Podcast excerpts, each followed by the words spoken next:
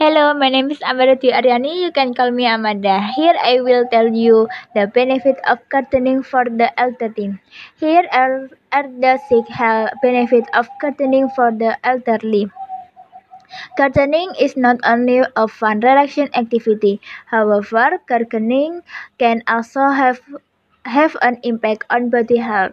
The benefits are for health for elders especially for those who are starting to enter age or the elderly. Here are the benefits of gardening for the elderly. First, increase endurance. Second, eliminate boredom and stress. Third, as a means of cycle exercise. Fourth, maintaining brain health. Fifth, get used to eating healthy food. Sixth, Training for independence.